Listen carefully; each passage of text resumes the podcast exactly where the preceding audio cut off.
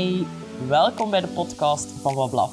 Ik wil jou inspireren om anders samen te leven met je hond, anders te kijken naar opvoeding en ik wil hen vooral een veel luidere stem geven. Vind je de content leuk? Vergeet zeker niet te delen en laat je reacties na op social media, at Wablaf. Ik wil alles horen.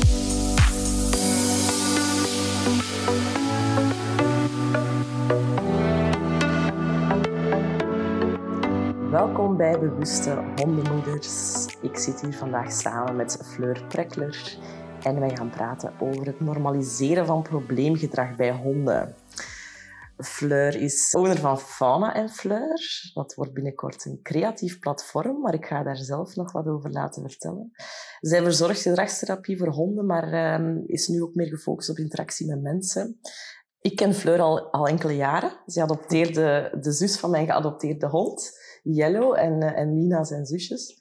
Dus uh, we go way back. Mm -hmm. Fleur, super bedankt om te komen. Heel graag gedaan. En ja, ik ben mega hard benieuwd waar dat jij ja, vandaag mee bezig bent. Ja, oké. Okay. Dus um, je vertelde het zelf al, Fauna en Fleur is voor mij eigenlijk gestart als een, uh, een begeleidingstraject voor mens en hond. Mm -hmm. um, maar doorheen dat te doen en dat dat verder groeide, voelde ik zelf ook dat de interactie mens-mens mij ook heel erg boeit. Ik ga heel graag in gesprek met mensen. En het interesseert me heel erg hoe mensen omgaan met de gedachten in hun eigen hoofd en hoe dat, dat hun gedrag beïnvloedt. Um, dus ben ik op dit moment mijn carrière van HR achter mij aan het laten en uh, mij zachtjes aan het omscholen tot gedragstherapeut, ook mens-mens. Zachtjes, zegt zachtjes, ze dan. Ja. Zoals ik de dingen aanpak, altijd zeer zachtjes. Ja. Dus voilà, dat is daar een beetje het verhaal. En Fauna en Fleur gaat voor mij meer een creatief platform worden, waarmee dat ik bedoel uh, dat ik daar graag stukjes wil schrijven over de dingen die mij bezighouden. Doordat ik met mensen in gesprek ben gegaan als therapeut, zijn er thema's die naar boven komen waar ik graag iets over schrijf of vertel, zoals vandaag in deze podcast. En dat gaat eerder Fauna en Fleur zijn, waar dat de therapie zelf dan eerder ja, achter gesloten deuren plaatsvindt ja. natuurlijk. Dus, uh. Alright, super. Fleur, misschien als eerste, wat ervaar jij het meeste in jouw werk vandaag met honden? Mm-hmm. In de begeleiding die ik uh, doe, merk ik heel erg een bepaalde hardheid, die eigenlijk zowel bij mensen die met honden samenleven als de mensen die ik één op één begeleid uh, terugkomt. En dat is een hardheid naar het gedrag dat zich stelt, het probleemgedrag waar dat ze voor bij mij komen. Daar wordt heel erg direct op gefocust dat dat onmiddellijk opgelost moet worden. Of mensen voelen zich heel schuldig of onzeker voor het feit dat er probleemgedrag is bij die hond. En ik voel dat daar heel veel hardheid onder zit. Niet alleen naar die hond toe, maar ook voor de mensen naar zichzelf. Verantwoordelijkheid bij zichzelf leggen. Hoe komt dat nu toch? Met de handen in het haar, wanhoop. En daar zit heel veel lading op gewoon. Um... Komen de meeste mensen bij jou vanuit um, de omgeving die ergens een oordeel heeft van ja, je zit echt met een hond bij een probleem, je moet een keer gaan luisteren bij een thera therapeut? Of heb jij meer het idee dat de mensen bij jou komen omdat ze zelf ja, die hardheid hebben van oké, okay, ik moet echt wel een oplossing vinden, want... Het is altijd wel um, verschillende factoren samen. De omgeving speelt zeker een rol. Um, denk ook Allee, uh, social media geeft ons veel informatie, maar is ook wel een vergiftigd geschenk, want je ziet ook hoe het allemaal perfect gaat bij anderen. Ja. Dus het is denk ik sowieso wel vanuit verschillende hoeken. Ik denk dat de mensen die tot bij mij komen heel vaak al alle andere kanalen hebben uitgepluist. De hondenschool is al gepasseerd, ze hebben de YouTube-filmpjes al bekeken, ze hebben trainers al gecontacteerd. Ja. Omdat de begeleiding die ik geef is start mens-mens ook. Dus eerst zonder de hond bij mij in de therapieruimte. En dat is nog redelijk out of the box ja. in hondenwereld. Dat is een beetje waar ik met wat blauw ook naartoe gegaan ja. ben. Zo, hè? Van oké, okay, ik heb echt wel nood om eerst u te zien en u te horen, om te achterhalen van, ja, van, waar, kom, van waar komt dit nu? Waarom, mm -hmm. zit je, waarom zit je met dit probleem? Ja, exact. En omdat ook in heel veel van de um, ja, oplossing, of toch de verzachting van het probleem, want oplossing vind ik al direct mm -hmm. zo'n 100% voor me. Heel veel van de verzachting van het probleem zal hem er ook in liggen in hoe de, de mensen omgaan met het probleem van de hond. En daar zit die hardheid. Hè. Van, ja, ik heb, ik heb waarschijnlijk iets fout gedaan, hè, of ik ken er niks van, of ja, ik had het toen strenger. Altijd die schuld ja. bij zichzelf, die hardheid. En als je dat er in de eerste gesprekken wat naar de oppervlakte krijgt, dan kun je een ingang vinden om het probleem te gaan aanpakken. Ja. Maar ja, dat is toch wel iets dat ik ervaar. Je zegt heel bewust aanpakken in plaats van oplossen. Ja. Ik heb zelf een beetje een periode achter de rug waarin het mij heel hard frustreerde. Ook als ik naar trainingsprogramma's keek, uh, op social media bijvoorbeeld. trainers die, of, of therapeuten zelfs, die eigenlijk de 100% oplossing aanboden. Dat Mhm. zit zo heel hard in mijn allergie, omdat ik daar enerzijds niet 100% in geloof. eh, ook omdat ik dan, omdat dat mijn grenzen overschrijdt. Mhm. Ik vind dat je dat nooit niet kunt beloven. Mhm. Omdat het inderdaad vertrekt vanuit het is een probleem, want het moet opgelost worden. Mhm. Terwijl dat, en ik geloof dat jij ook in die denkpiste zit, het niet wil vertrekken van het is een probleem. Nee, voor die persoon op dat moment vormt het een probleem. En, en wij willen dan diep begraven, ja, waarom? Mhm. Ehm, Ja, klopt. Het is ook... ehm, ik vind het, het idee van iets 100% te willen oplossen, zeker naar een, een gedrag dat zich uit, en allez, versta me niet verkeerd, dat, dat heeft vaak problematische gevolgen. Hè? Als er bijvoorbeeld een hondje met, met verlatingsangst uw living loopt, ja, je gaat mij niet horen zeggen dat dat niet problematisch ja, is. dat is kut. Maar ja, dat is kut. Ehm, maar het, het gedrag willen oplossen is voor mij, daar zit ook veel hardheid in en geeft voor mij te weinig respect aan het feit dat dat gedrag dat zich stelt wel een, een, een geldig gedrag is. Ehm, als je dat volledig wilt oplossen, dan ga je voorbij aan het, aan het besef of aan het inzicht dat die hond die in paniek is op dat moment, met recht en reden in paniek is, omdat die kampt met verlatingsangst. En dat, is, ja, dat mogen we normaliseren. Dat is een, een reactie, een manier van dat wezentje om om te gaan met de situatie op dat moment. En dat uit zich soms in agressie, soms in paniek. Dat zal wel zijn, maar het is wel een geldig iets. Snap je een beetje wat ik bedoel? Ja. En wat is het doel, denk je, volgens jou, van die hond met dat gedrag? Welk, welk doel zit daarachter voor die hond om dat gedrag te stellen op dat moment? Ja, hangt ook altijd wel wat af van situatie tot situatie, maar wat heel vaak wel de gemeenschappelijke deler is, is het, het eigen wezen terug tot rust krijgen. Hè. Terug naar die homeostase gaan, die in de natuur die wij allemaal willen. Hè. Als elk levend wezen ehm, streeft naar balans. En dan raken we het even aan en gaan we er weer uit. Dat is dan de eeuwige illusie in Ja, het leven. Ja.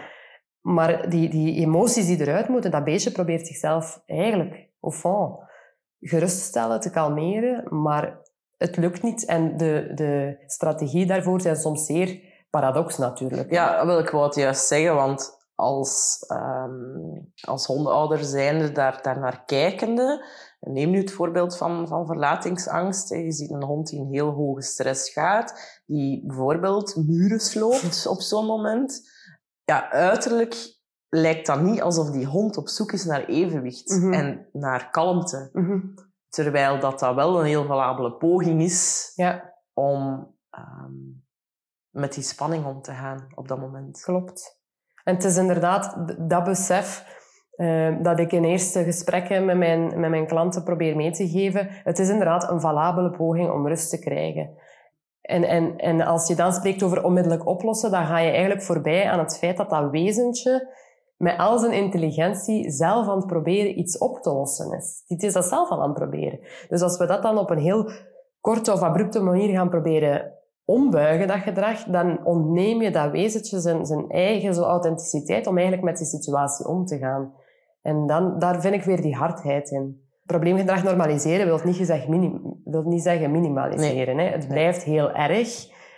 Ik wil ook naar een, een betere situatie gaan, maar ik vind, als je vertrekt vanuit het inzicht, het gedrag dat zich stelt is niet een slechte hond of een hondenouder die gefaald heeft of al die, hard, die hardheid weer, Ja. maar het gedrag dat zich stelt komt van een geldige reactie van het individu. Waar dat die vandaan komt, wat de oorzaak is, daar ga ik zelfs even niet, dat hoef ik niet per se te weten, maar het is gewoon geldig, het mag er zijn. Als dat uw insteek is, kan je ook vanuit die, dat begrip en dat respect voor dat wezentje dat dat gedrag stelt, kan je vanuit die, die kant inzoomen op, op ja, hoe dat we het dan toch gaan aanpakken. Ja, en gaan ondersteunen. Ja, en ondersteunen. Ik vind het heel fijn dat je zegt van ja, het, het gaat niet over een flinke of een stoute hond zijn, Mhm. want dat is wel hoe dat wij ook met kinderen bezig zijn. Mhm. Een kind is flink als het zijn boterham opeet. Hè. Een kind is flink als het luistert. Een kind is flink als het geen driftbui krijgt. En als het dat wel krijgt, is het kind stout. Mhm. Ehm, terwijl dat, dat, dat die tweeledigheid, ja, dat maakt dat een kind dat eigenlijk op zoek is naar rust, een stout kind is. Mhm.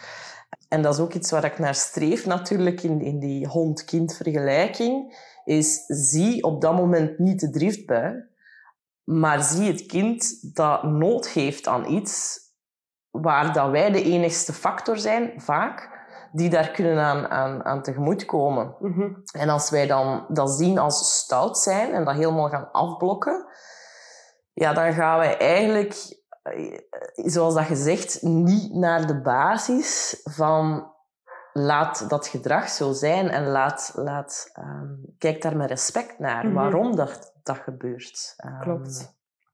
Dus dat vind ik wel een hele mooie. Het is ook zo, als je vanuit dat respect kijkt, kun je ook eh, ja, echt de vraag gaan, allee, of echt gaan inbeelden van hoe de- deze hond of dat jonge kind komt hier iets tekort of gaat vanuit een gebrek aan iets, steun, weet ik veel wat het is, gedrag stellen. En dan kun je gaan gaan kijken, misschien kan ik ergens aanvullen, kan ik helpen ja, dat tekort aan te vullen en kunnen we op die manier toch naar een, een nieuwe soort situatie gaan waarbij dat gedrag zich niet zo extreem hoeft te stellen. En dan of ga je dan toch naar een soort van oplossing op het einde, maar de manier waarop dat je er samen naartoe hebt gewerkt, is wel helemaal anders. Uiteindelijk is het eh, niet de hond zijn verantwoordelijkheid om ons leven makkelijk te maken. Eh, Wij zijn er om hun leven aangenaam te maken en dat, daar zit ook heel veel hardheid in. Is dat dan geen valkuil naar hoe dat wij nu naar pro- hondenproblemen of, of probleemgedrag kijken? Mhm. Ja, klopt zeker. Hè. Dat is ook een stuk die hardheid dat ik merk. Eh, mensen zijn ofwel heel kwaad op hun hond, omdat die stout is, maar ook heel vaak eh, heel veel schuld bij zichzelf. Hè. En ook nadat ze het inzicht hebben van, oh, die, die hond stelt eigenlijk geldig gedrag. Ehm, bijvoorbeeld bij verlatingsangst, het feit dat hij de tijd wil slopen of zo, is eigenlijk een geldig gedrag. Vaak komt er dan nog een groter schuldbesef bij mensen, omdat ze zoiets hebben, ja, maar als dit geldig gedrag is, dan heb ik er misschien een aandeel in Ja. dat die hond leidt aan die verlatingsangst. Dus dan zit je weer in die hardheid. Maar ook daar probeer ik echt wel op mildheid in te zetten. En, en ben ik er ook heel erg van overtuigd. En dat geef ik ook graag aan iedereen mee. Dat als je, allee, dat iedereen, het merendeel van de mensen, ik zal het zo zeggen, gaat op elk moment zijn uiterste best doen met de kennis die hem op dat moment heeft. Ja, klopt. Ik denk dat ik het ook al een keer vernoemd heb, hè, maar het, het gaat uiteindelijk over het feit, we zijn allemaal opgevoed geweest. We hebben allemaal kennis meegekregen. We zijn, we, hebben zelf, zijn ervaringsdeskundigen. Mhm. Dus ook als je niets van ehm, hondengedrag kent, het feit dat jij gekozen hebt om een hond in je leven te nemen en dat je zelf opvoedingservaringsdeskundige bent, je hebt het zelf allemaal meegemaakt, zitten al die tools en handvaten wel in u. Mhm. Maar alleen maar wat dat jij zelf ervaren hebt en wat dat je daar dan bovenop nog geleerd hebt. En, en dat is uw basis. Dat is helemaal oké om van die basis te vertrekken. En het is inderdaad in gesprek met andere mensen dat je tot nieuwe inzichten kunt komen en waar dat je zelfs een beetje buiten jezelf kunt gaan staan om, om Mhm. naar, die, naar, naar die problematiek te gaan kijken. Ik denk dat dat wel de clue is. Mhm. Als ik zelf problemen ervaar met mijn hond, dan vind ik het heel handig om iemand extern te hebben om daarnaar te kijken. Ook al ben ik gedragsdeskundige. Zeker. Zeker. Ik heb nood om daar van op de afstand naar te kijken, net omdat ik mild wil zijn aan Mhm. mezelf. Ja. Niet dat ik alle waarheid moet hebben als gedragsdeskundige, want dat heb ik niet. Maar ook niet alle verantwoordelijkheid bij Mhm. mij te leggen, want dat is ook weer heel hard om, daar, om daar ehm, op die manier naar te kijken. 100 procent, inderdaad. En als we kijken, allee, als, we, als we het hebben over die verantwoordelijkheden, misschien iets waar, waar dat mij heel hard op gewezen is geweest, is bijvoorbeeld wanneer dat mijn kinderen of mijn honden een soort van driftbui hebben in het openbaar, Mhm. dan wordt dat ook vaak teruggekoppeld van oei, maar dat doet hij niet als hij bij ons is. Vaak krijg je die feedback vanuit een hondenpension ook. Mhm. Ja, als hij bij ons is, dan doet hij dat niet. En ze doen dat dan vaak als de hondenouder erbij is. En dat maakt dat je dan die feedback krijgt van... Er is een probleem met jullie communicatie of jullie relatie of zelfs jullie hechting. Mhm. Terwijl dat ik het net heel mooi vind, en ik heb dat ook moeten leren appreciëren, dat mijn kinderen en mijn honden driftbuien krijgen Mhm. op het moment dat ze mij zien. Ja, Want dat wil echt... Voor mij is dat een heel duidelijke bevestiging van, bevestiging van goede hechting. ja. Ik weet niet hoe dat jij dat ziet. Ja, ik, ik volg u zeker. Ze durven op dat moment... Ze, ze voelen zich veilig genoeg om al hun emoties te uiten bij jou. En dat is soms helaas een emmer kwaadheid en frustratie dat je dan even krijgt. Als je... Maar dat merk ik ook bij mijn honden. Ehm, en bij de kinderen waar ik af en toe mee samenleef. Op een ander zijn, dat is typisch, hè, op een ander zijn ze altijd heel braaf. En dan, uh, alleen braaf. Dat Kijk, is, ja. het, is, het zit Ja. zo geconditioneerd Ja. in ons leven. Hè, van, stellen ze dat gedrag niet, Ja, dan zijn ze braaf. ja. Ik vind het grappig dat je het er nu zelf tussen En ik gruwel zelf van het moment dat ik besef dat ik het woord heb gebruikt. Maar het is, het is, ja, zijn ze zeer eh, kalm en, en eh, weinig emoties. En de moment dat je dan in de huiselijke omgeving komt, dan eh, ontploft de boel even. Maar dat is inderdaad net een, een signaal van veilige hechting, geloof ik. Dat die emoties op een heel normale manier gereguleerd kunnen worden in een omgeving waar het dier of het kind zich veilig Ja, voelt. waar het kan. Ja, waar het kan. Ja, En dan is het echt loskoppelen van dit is straatgedrag. Ja. Klopt. Eh, want ik betrap me daar zelf continu op. Ja, Dat ik die frustratie voel opkomen van... Zeg gewoon eens rustig. eh, hou jezelf in. Zelf als mijn zoontje luider begint te roepen en zijn stem begint te verheffen van plezier, wil ik automatisch ja. die toon naar beneden. En elke keer als dat gebeurt en ik reageer daarop... Hetzelfde met de honden. Hè. Ze gaan in extase omdat er bezoekers zijn. Ik wil dan naar beneden, die extase. Mhm. Terwijl dat een heel mooie eigenschap is. Dat mijn honden blij zijn met bezoek. Maar ik wil dat altijd gaan afvlakken. Altijd gaan afremmen. En ik kan er niet aan doen, maar altijd aan mezelf terug te denken als kind zijnde van... Als ik extreem enthousiast was voor iets, niet dat ik het me exact herinner, maar ik kan mij niet anders inbeelden dat mensen dan... Doe rustig. Stilletjes zijn. Ehm, zeker in de context waar wij in opgegroeid zijn. Ik weet niet of dat bij jou het geval was, maar ik moest bijvoorbeeld nog naar de kerk gaan. Ja, Ik ben zelfs misdienaar geweest. Dat is zo'n context waarin dat je alles behalve jezelf mocht zijn. En je moest, dat ook, moest daar ook vaak naartoe. En ja, daar, daar moest het... Mhm. Daar werden volledig ehm, Ingetogen. ingetogen, ja. neutraal, afgevlakt. En dat is dan hetzelfde. Ja. En dat is dan wat we braaf noemen eigenlijk. Hè. Terwijl, ja... Maar ik, allee, ja, het is, het is waar, het zit er nog zeer diep ingeworteld. Ook, ook bij mij dus. Hè. Ja. Dat, zelfs bij ons dan, bij wijze van spreken. Omdat we zo goed weten hoe belangrijk het is om... Allee, wij als gedragsdeskundigen, Mhm. wil ik zeggen. Om, om emoties goed te kunnen uiten. Maar toch zit dat er in. En, en ook die beetje schaamte soms eh, in het openbaar dan. Bijvoorbeeld ook met Maurice, als, die, als, die, als, ik, als ik mijn leiband boven haal, dan begint hij halve salto's te doen en blaft hij echt drie wijken bij elkaar. En dan betrap ik mij er ook op, soms op dat ik zo zeg... Allee, zeg ze, denken de mensen dat ik nooit buiten kom met u. Zo. Ja. Ja. Doe nu toch eens rustig, wat moeten ze nu wel niet denken? Ten eerste, wie denkt er überhaupt iets... Allee, over mij en mijn hond, dat gebeurt niet. Als ik, als ik over de straat wandel en ik passeer een hond die uit aan blaffen is, is ook nooit iets in mij dat opkomt om, dat, om die persoon te gaan veroordelen. Allee, Ja. Mensen doen dat niet, maar toch zit er daar zo'n oordeel op hè, bij jezelf. Dus ook daar weer die hardheid. Ja. Wat kunnen we nu bereiken met probleemgedrag te gaan normaliseren? Hm. Veel. Ehm, ja, ik blijf zeker wel wat zitten in die mildheid ook. Als hondenouder heb je de verantwoordelijkheid nog steeds, maar de, die, die hardheid van het allemaal zelf te moeten gaan oplossen gaat er wat vanaf. Omdat je op die manier met respect naar het dier kijkt en, echt gaan zien van ah, dat gedrag stelt zich om een, om, een, om een geldige reden. En dan kun je samen naar een oplossing gaan. Want dan kun je zien van oké, maar jij stelt het gedrag, dat is uw goed recht. Ik zie u, ik heb daar respect voor. En ik ga samen met u een inweg zoeken om u te ondersteunen, zodat je het stuk dat je mist, ontbreekt, dat dat wat kleiner wordt en dat je gedrag misschien wat anders gesteld kan worden. En dat gebeurt dan natuurlijker en, en zonder veel forceren, gewoon omdat je daarop intunt als individu. En vaak gebeurt het ook dat je, omdat je daar op die manier naar kijkt, dat dat dier ook voelt, ah, ze, ze, hij of zij begrijpt mijn gedrag, het mag er volledig zijn. En dat er eigenlijk zonder te veel training en, en ja, tools al, al een verandering plaatsvindt. Ja. Ik weet niet of dat, dat iets is dat jij ook eh ervaart. Ja, hè, gewoon al re- uw reactie aanpassen. De reactie die jij hebt op het gedrag, als, als, als je die al aanpast, dan kun je eigenlijk al een heel groot verschil merken bij je, bij je dier of, of bij je kinderen. Mhm, Het feit dat je met dat inzicht gaat reageren mhm. op dat probleem, dat je op dat moment hè, als probleem ervaart, is voor die hond waarschijnlijk een soort van wow, Mhm. dit gedrag verwacht ik niet van, van haar of van hem.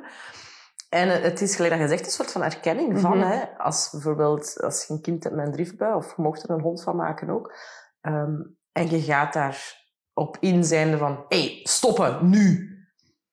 Dat is een heel andere reactie dan wanneer dat je met inzicht naar die drieluik kijkt en zegt van, oké, dit is even een heel lastig moment voor jou. Mhm. Misschien heb je een lastige dag gehad, misschien ja, heb je daar juist een ander mond gezien, voel je daar niet veilig bij.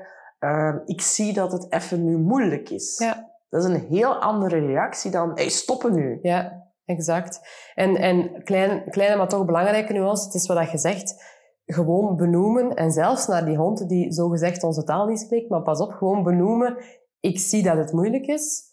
Maar evengoed misschien zelf nog niet weten hoe je er dan toch mee moet omgaan, kan ook al voldoende zijn. Hè? Want dat is weer die mildheid.